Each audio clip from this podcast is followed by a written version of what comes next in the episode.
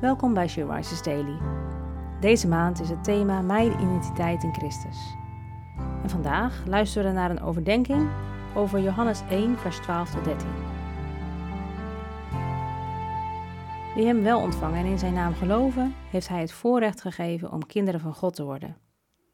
Ze zijn niet op natuurlijke wijze geboren, niet uit lichamelijk verlangen of uit de wil van een man, maar uit God. Je bent geliefd. En niet door zomaar iemand. Nee, je bent geliefd door de schepper van hemel en aarde. Geliefd door de koning der koningen. Door de ene ware en levende God. De God van Abraham, Isaac en Jacob. En nu ook de God van jou. Hij die jou gevormd heeft in je moeders buik. Die jou al voordat de aarde bestond opgedroomd heeft in zijn hart. Je lach, de kleur van je ogen en haar, zelfs al de sproetjes op je lichaam. Hij weet zelfs hoeveel haar je op je hoofd hebt. Zo nauw betrokken is hij op jouw leven. Hij kent je door en door.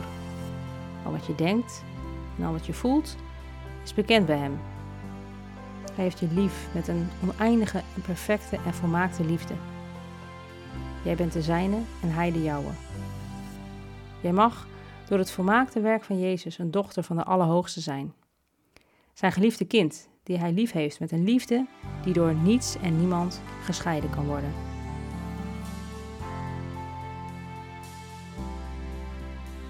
Je luisterde naar een podcast van She Rises. She Rises is een platform dat vrouwen wil bemoedigen en inspireren in hun relatie met God.